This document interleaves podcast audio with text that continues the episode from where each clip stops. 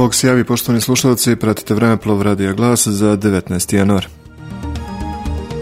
Na praznik Bogojavljenja 19. januara 1322. godine, 6. januara po starom kalendaru, Stefan Dečanski, sin kralja Milutina, krunisan je u manastiru Žiča za srpsko kralje. 1785. godine upokojio se Zaharije Stefanović, Orfelin, književnik, istoričar, prevodilac, leksikograf i graver. Zaharije Stefanović Orfelin je jedan od najprosvećenijih Srba 18. veka i najistaknutiji srpski književnik, prethodnik Dositeja Obradovića i Vuka Karadžića. Na današnji dan 1811. godine počela je Skupština ustaničkih starešina Srbije na kojoj je doneta odluka o podeli praviteljstvujušćeg sovjeta na šest popečiteljstva, odnosno ministarstava.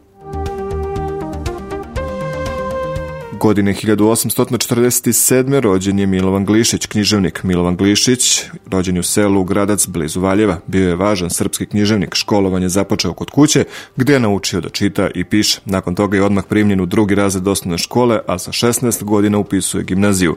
Pošto dolazio iz siromašne porodice, morao je sam da se snalazi oko preživljavanja tokom školovanja. Zato je morao da radi razne poslove, ali je svejedno stizao da uči i to ne samo za školu, već i strani jezik, poput nemačkog, ruskog i francuskog.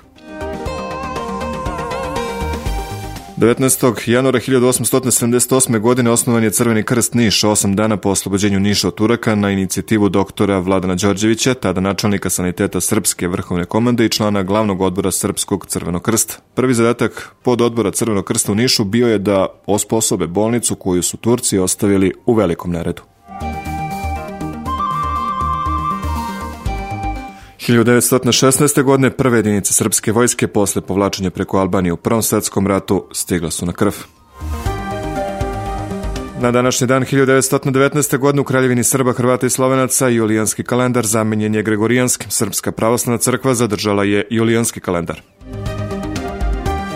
1938. godine upokojio su gospodu Branislav Nušić, književnik i diplomata, dramaturg i upravnik Narodnog pozorišta u Beogradu, upravnik Srpskog Narodnog pozorišta u Novom Sadu. Bio je srpski komediograf i pisac romana, drama, priča i eseja. Smatra se začetnikom retorike u Srbiji, a radio je kao novinar i diplomat. Poštovani slušalci, pratili ste vremeplov na Radio Glas Pravoslavne eparhije Niške.